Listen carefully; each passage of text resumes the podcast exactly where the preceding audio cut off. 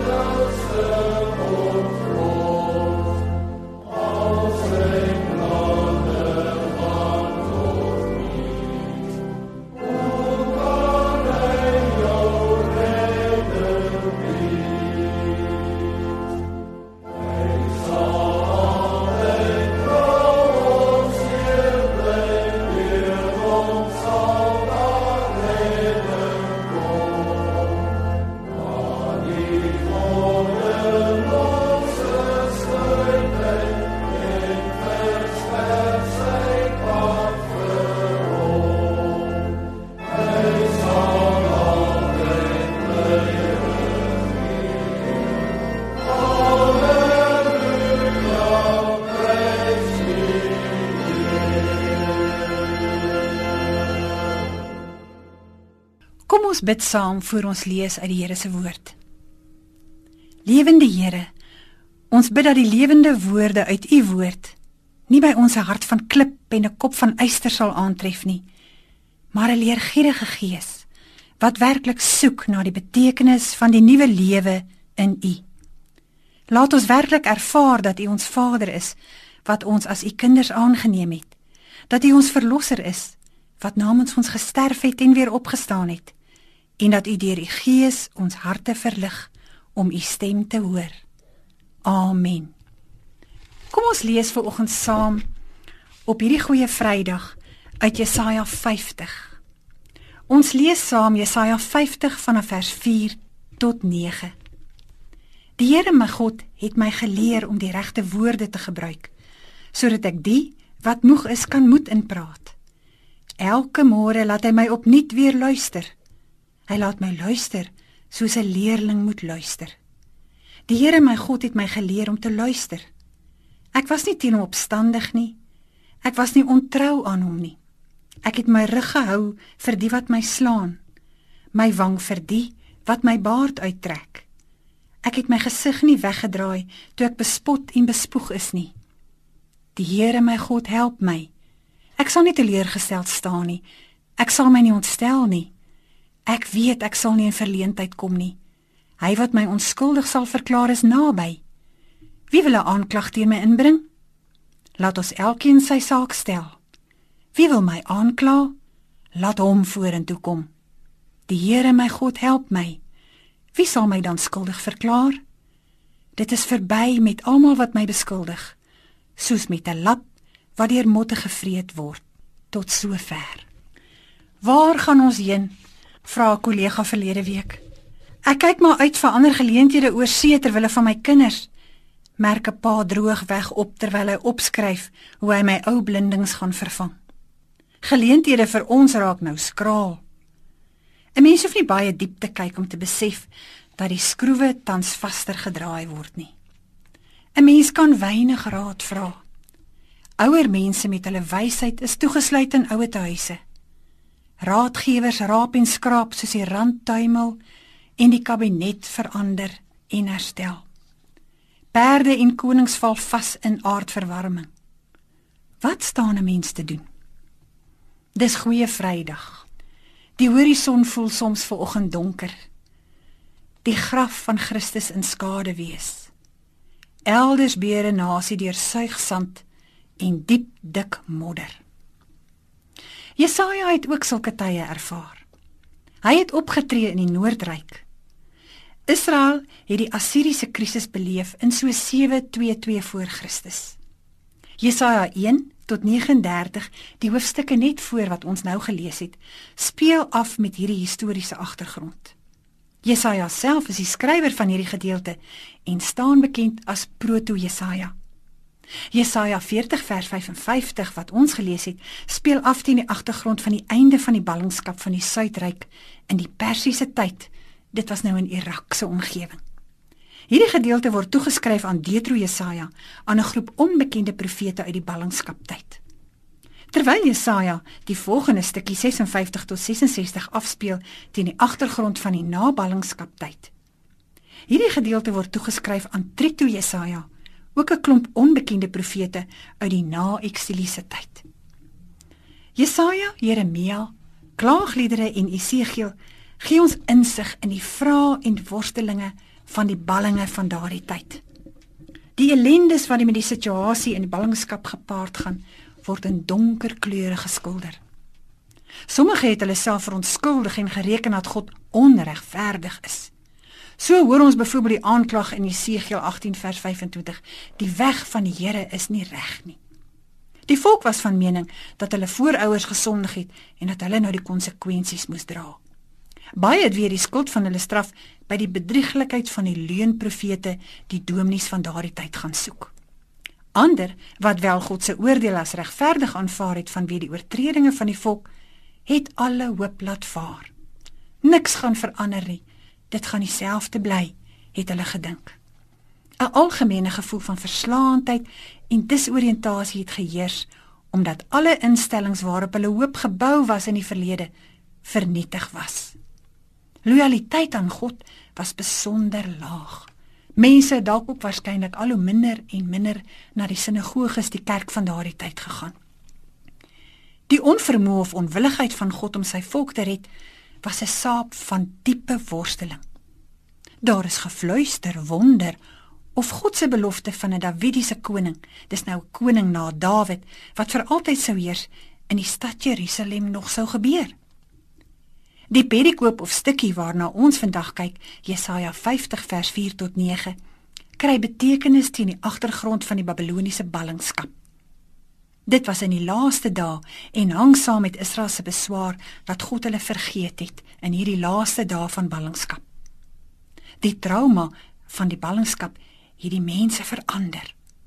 Hierdie verandering het 'n nuwe verstaan van God gebring. Hulle het die gemeenskap en alles wat daarmee saamgaan op nuwe maniere begin sien. So swaar kry hulle nie altyd tot 'n afdraande nie. Soms lei dit tot nuwe insigte. Hoe het hulle verander? In hierdie tyd en tydsgees tree 'n onbekende figuur na vore met hierdie boodskap. Verwag lyding, maar leef oorwinnend. Ons gaan die tema bekyk aan die hand van die volgende 2 punte. Die dienaar van die Here verwag lyding. Die dienaar van die Here in die tweede plek leef oorwinnend. Kom ons kyk wat beteken die dienaar van die Here verwag lyding.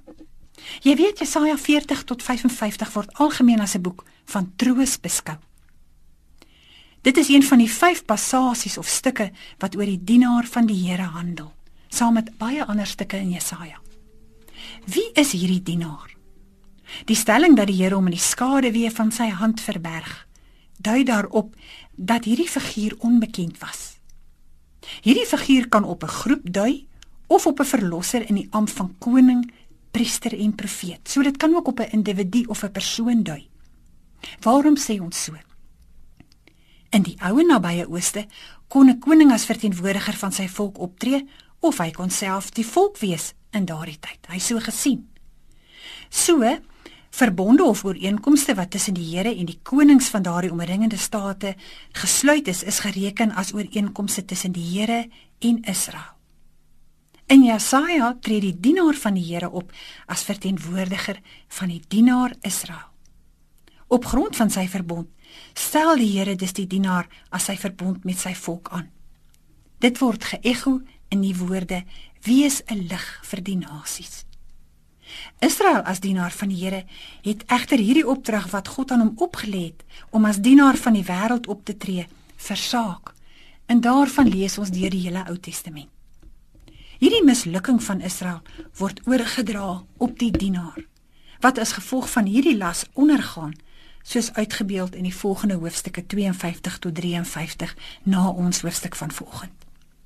Die taak van die dienaar Israel word ook na die dienaar van die Here opgedra. So dit is asof God die werkie wat hy vir Israel gegee het, nou vir die dienaar gee. Wie kon die dienaar wees? Sommige dink dat die dienaar een van die heilsfigure in die Bybel soos Moses of Josua of Samuel is.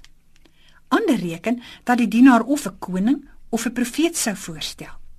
Nog ander dink aan die priester aan. Sommige wil praat van 'n heraut of 'n boodskapper en nog ander dink aan 'n gesalfde oorwinnaar. Ons weet die vrylating van gevangenes waarvan Jesaja in die volgende verse spreek, bevestig dat hierdie figuur 'n koninklike amp beklee. So die dienaar is 'n koning. Die vrylating van gevangenes was een van die nou ou nabye oosterse koning se take. Daarom weet ons dat die dienaar 'n koning moes wees, want hy het gevangenes vrygelaat of dit is beloof. Moses het so 'n opdrag gegee, weet ons in Levitikus 25. En so het ook die profete gevangenes laat gaan vroeër in die Bybel. Die vrylating van gevangenes herinner ons ook aan koning Kores. Ons lees van hom in Jesaja 45. Hierdie gegewens staaf die feit dat 'n koningsfiguur in Jesaja 61 en die volgende verse optree. So die Here het inderdaad die Persiese koning Kores by sy plan vir sy volk Israel kon inskakel. Ten spyte van die feit dat Kores 'n nie-Israeliet was en hy nie in die Here geglo het nie, lees ons in Jesaja 45 vers 4 en 5, noem die skrywer hom die herder van die Here en sy gesalfde in Jesaja 44 vers 28. Hy noem hom ook die een wie die Here liefhet. En hy roep die Here aan in Jesaja 41 vers 25. En Jesaja herken hom as die ware God. Waarom? Hy bevry die volke van die Babiloniese juk en laat hulle teruggaan huis toe. So Kores herken God as die ware God en God gebruik hom nou, hoewel hy God voorheen nie aanbid het nie. Die begrip dienaar word ook in verband met die verbond tussen die Here en sy volk gebruik. En Dawid word beskou as die dienaar van die Here by uitnemendheid. So verder val dit op dat Dawid die enigste koning is wat pertinent genoem word in verband met die vertroosting van iemand anders. Hy is die eerste koning in die Bybel waarvan ons lees wat iemand troos. Hy troos Batseba na die dood van die seun. Hy troos homself na die dood van sy ander seun En Hanun die seun van Nagas die koning van Ammon troos hy ook in 2 Samuel 10 vers 2 tot 3. Die woord opbeur of troos vertaal 'n Hebreëse woord wat met die woord om te verbind verband hou. Laasgenoemde is 'n mediese term wat verwys na die verbinding van frakture. 'n Taak wat deel gevorm het van die sorg wat die herder aan sy kudde bestee. Net soos wat Dawid voorheen vir sy skape gesorg het, so het hy gesorg vir die skape van Israel. Die woord lyding neem in Jesaja 3 vers 7 kan vertaal word met geneesheer wees. Die Here self troos met ander woorde sy volk deur sy dienaar Dawid. Die gesalfde van die Here onderneem hierdie taak nou verder in Jesaja 50. Met ander woorde, troos oorvleuel die werk van God en die Davidiese gesalfde dus. Maar die taak is nie voltooi nie. Ons weet niemand behalwe die Here kan mense met gebroke harte genees nie. Die Here sal op sy dag die wonde van sy volk self verbind. Lees ons in Jesaja 30. Die vreugde wat die dienaar ervaar, blyk uit Dawid se soortgelyke ervaring. So ons kan sê dat die dienaar elemente van Kores en Dawid en eintlik al die heilsfigure van die Bybel wat ons vanmôre na gekyk het, word deur die Here gebruik. Moses tree as 'n tussenganger tussen God en sy volk op en Eksodus word die uitroep van die vrylating aan sy naam verbind. Asook die verklaring dat die eersgeborene 'n dubbele deel sal ontvang. So goeie nuus bring die dienaar Moses. Nog 'n dienaar is die dienaar Josua wat aan die verdeling van die land gekoppel word. So hy bring goeie nuus. Aaron was nog 'n dienaar van die Here wat die verantwoordelikheid van die priesterskap gedra het en sy persoon of amp het waarskynlik ook 'n rol gespeel. En dan die dienaar Kores wat opdrag gee dat die volk na Palestina kan terugkeer die ballinge bevry en Jerusalem weer kan opbou. Dis egter noodsaaklik vir ons vanoggend om daarop te let dat al hierdie figure was net buitelyne van die eintlike dienaar. Elkeen is soos 'n atleet in 'n aflosspan. Ja, hulle elkeen dra aanvanklik die aflosstokkie, maar gee dit later oor aan iemand anders. Almal het 'n aandeel in die koms van die koninkryk van God op sy eie manier. Dis asof die figuur en take van die dienaar, soos die tyd verbygaan deur die Ou Testament, al hoe voller loop. Waarom? Die rede vir die dienaar is die uitrol van God se oorspronklike plan, naamlik om mense uit alle nasies as deel van sy skepping te verlos. God skakel sy diensknegte, sowel as iemand soos Kores wat hom nie ken nie, by sy universele groot verlossingsplan in. Ja, God span enige iemand in vir sy doel. Kores het die Here nie geken nie, maar die Here het hom steeds gebruik en hy kan dit vandag nog doen. God se doel is egter nog nie bereik na Kores nie. God se volk is nog nie terug by hom nie.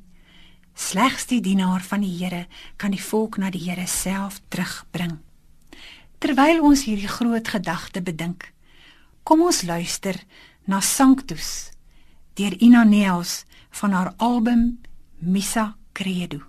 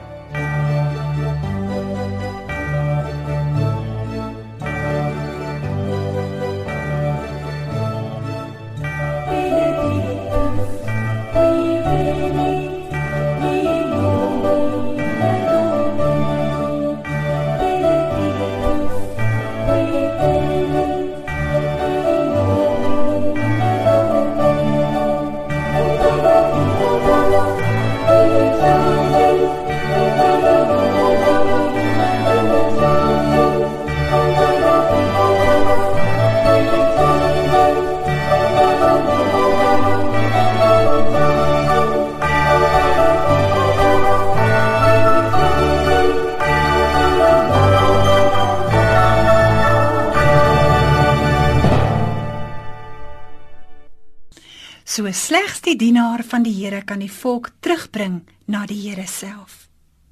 So wat doen die dienaar? Wat is sy dienswerk?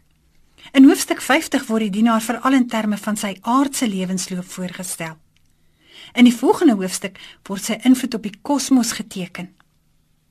So wat is hierdie kenmerke van 'n die dienaar? Ons lees in Jesaja 50 vers 4: Elke môre laat hy my opnuut weer luister. Hy laat my luister soos 'n leerling moet luister. So die verhouding van die dienaar tot God word gekenmerk deur die houding van die ideale leerling. Nie as 'n geleerde nie, maar van 'n leerder, 'n student. Dit dui op volkomme gehoorsaamheid en ontvanklikheid of oplettendheid van die dienaar in sy verhouding tot God. Hierdie uitspraak hou verband met die soortgelyke stelling elders in die Ou Testament dat om te kan luister soos die dienaar na God geluister het, 'n besondere ingesteldheid verg. Vandag is daar soveel inligting beskikbaar dat baie mense oor 'n sekere hoeveelheid algemene kennis beskik, onder andere ook van die Bybel, maar dat gesonde insig dikwels ontbreek. Neem maar die sosiale media. Selfs mense wat vra vra, val die persoon wat antwoord dikwels in die rede. Dit is 'n teken indien jy vra, wil jy weet. Indien jy sê, dink jy jy weet. So by sulke geleenthede stop ek dikwels in die middel van my sin en gaan nie aan tensy die persoon weer vra nie. Wie nie vra nie, is nie gereed vir 'n antwoord nie. Wie nie luister nie, het geen intensie om te leer nie. Ek reken, indien jy wou, jy sou. Min kry dit ook reg om te konsentreer. Dagstukke, artikels en dokumente moet kort wees. Programme moet kort wees. Antwoorde moet kits wees. Dis as ons asof ons nie diepte wil hê nie. Dit kan ons almal loon as ons let op die houding van die dienaar wat kan vertaal word ook met wie onder julle wat die Here vrees luister na die stem van sy dienaar of as 'n aansporing laat die onder julle wat die Here vrees luister na die stem van sy dienaar. Nog 'n kenmerk is dat 'n dienaar moet inpraat. Die Here my God het my geleer om die regte antwoord te gebruik sodat ek die wat moeg is kan moed inpraat. Is 'n kenmerk van die dienaar. Die dienaar in Jesaja 50 word as krank gereken. Hy het lyding en pyn geken omdat die lyding en siektes van ander op hom gelaai was. Daarom kon hy moedelose mense opbeer of anders vertaal gebrokenis van hart genees. Mense vra my gereeld, "Waarom moet ek swaar kry? Alleen belasting betaal, agter in die ry staan. Hoekom ek?" Wel, waarom nie jy nie? Wat maak jou beter as die dienaar? Is jy nie veronderstel om jou kruis op te neem en hom te volg nie? Om 'n kruis te kan opneem, moet jy 'n kruis hê. Paulus sê dit mooi. Al wat ek wens is om Christus te ken, die krag van sy opstanding te ondervind en deel te hê aan sy lyding, deur aan hom gelyk te word in sy dood. 'n Mens word net deur die dood, ook die dood van jou eie wil, gelyk aan Christus. Eers deur van ons bagasie ontslae te raak, kan die Here nuwe insigte en oplossings vir ons land stuur. Eers deur jou pyn neer te lê, kan jy deurskynend word sodat God deur jou kan skyn. Nog 'n kenmerk van 'n die dienaar is dat hy aan dienaar sy opdrag aanvaar, Jesaja 50 vers 5. Ons weet dat 'n die dienaar kastyding en foltering sal ondergaan soos die dienaar Christus. Die verguising en alles wat daarmee gepaard gaan, vorm deel van die breër raamwerk waarbinne elke dienaar van die Here haar roeping moet vervul. Dis nie maklik nie. Om deur jou voorbeeld, hoe jy jou koffie roer, hoe jy jou e-posse antwoord, hoe jy sosiale media hanteer, die waarheid te verkondig, veroorsaak dat sommige mense weerstand bied teen God se boodskap, gevolg deur konfrontasie en verwerping. Rose Price, 'n messiaanse Jodin, vertel in haar lewensbeskrywing van 'n episode toe die vervolging van die Jode onder leiding van die Nazis in Pole begin het. Haar vader het by geleentheid in 'n geskokte en gehawene toestand by die huis ingestrompel. Sy gesig was die ene bloed omdat sy vervolgers groot stukke van sy baard uitgepluk het. Die dienaar van Jesaja 50 vers 6 ken hierdie soort foltering Christus self is deur sy familie en kollegas in die sinagoge verwerp. Die Nuwe Testament sluit hierby aan. In hoofstuk 50 word die dienaar voorgestel as omring deur sy vyande. 'n Ware dienaar lei namens ander. Sommige is ook van mening dat Israel as volk moet instaan vir God se wraak oor die nasies. 'n Mens kan net dink wat dit vir ons land beteken. Wie staan in vir ons mense? Wie kry swaar sodat dit met ander goed kan gaan? Die dienaar het egter sy opdrag aanvaar en nie gemor nie. Wel gebid ja, by baie geleenthede en sy ervarings van die dag en sy gevoelens met God gedeel ja. Die laaste kenmerk van 'n dienaar is dat 'n dienaar bereid is om gebrei te word deur swaar kry. Die dienaar van Jesaja 50 was nie ruglaatloos of siek soet toegeeflik nie, hoor. Hy het aangehou en hy was vol moed. Hy het sy gesig gemaak soos 'n keisteen. Dit wil nie sê dit was hard nie. Nie in die sin van gevoellose ongenaakbaarheid nie, maar die dienaar was vasberade, doelgerig. Hy het nie verstrengel geraak in aandele, pyne nie, maar was 'n getuie vir koninkryksbeginsels. In Lukas 9 vers 51 verneem ons dat Jesus sy aangesig op Jerusalem gerig het. Hy het geweet dat dit is waarheen sy hele lewe beweeg want daar aan die kruis moet hy die skuld van die ongehoorsame mensdom betaal. So is Boetie van Magwero sendeling vrou in Zambië van lank gelede vereer vir haar arbeid om die Chewa Bybel in brail oor te sit. So kon sy blinde kinders die Bybel leer lees. Hierdie onderrig het aanvanklik in 'n kalwerhok wat op 'n manier daarvoor ingerig is plaasgevind. Iemand het haar eendag gevra hoe sy vir hierdie blinde kinders in so klein donker kamertjie met net een venstertjie kon skoolhou. Sy het geantwoord: "Die kinders het nie lig nodig nie en ek het nie omgegee vir die skemerlig nie." Toe sy gevra het hoe sy dit kon regkry om in 'n kalwerhok skool te hou, het sy geantwoord: "My meester is in 'n stal gebore. Hoekom kan ek nie in 'n stal onderwys gee nie?" Soos jy kan sien, het Israel agtergekom dat om 'n dienaar te wees nie maklik is nie. Baie het uitgesak. So hoe kry 'n mens dit reg? In die tye van vandag kan ons kyk na in die volgende punt terwyl ons luister na Agnus Dei deur Ina Neels van haar album Missa Credo. MUZIEK Dis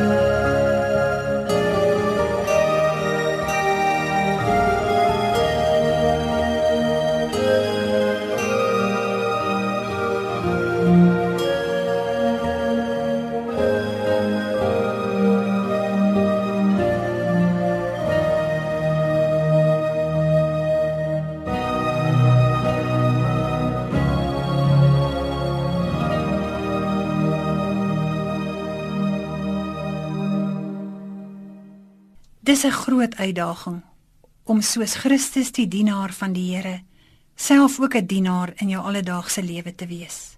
So hoe kry 'n mens dit reg? Kom ons kyk na hoe vertrou die dienaar op die Here sy God. In die tye van vandag is dit nie moeilik om te sien dat 'n mens bonatuurlike krag amper nodig het om staande te bly nie. Die dienaar is egter oortuig dat hy nie beskaam sal word nie in vers 7. Hy deel ons mee dat die dienaar in die weg van lyding en die volvoering van God se wil sal volhard omdat God homself sal ondersteun. Die Here sal aan hom reg verskaf. Met ander woorde, hy sal hom regverdig of onskuldig verklaar. Aan die een kant word die handeling van God met en deur sy dienaar bevestig deur die Heilige Gees wat op hom rus, waarvan ons lees in Jesaja 42 vers 1.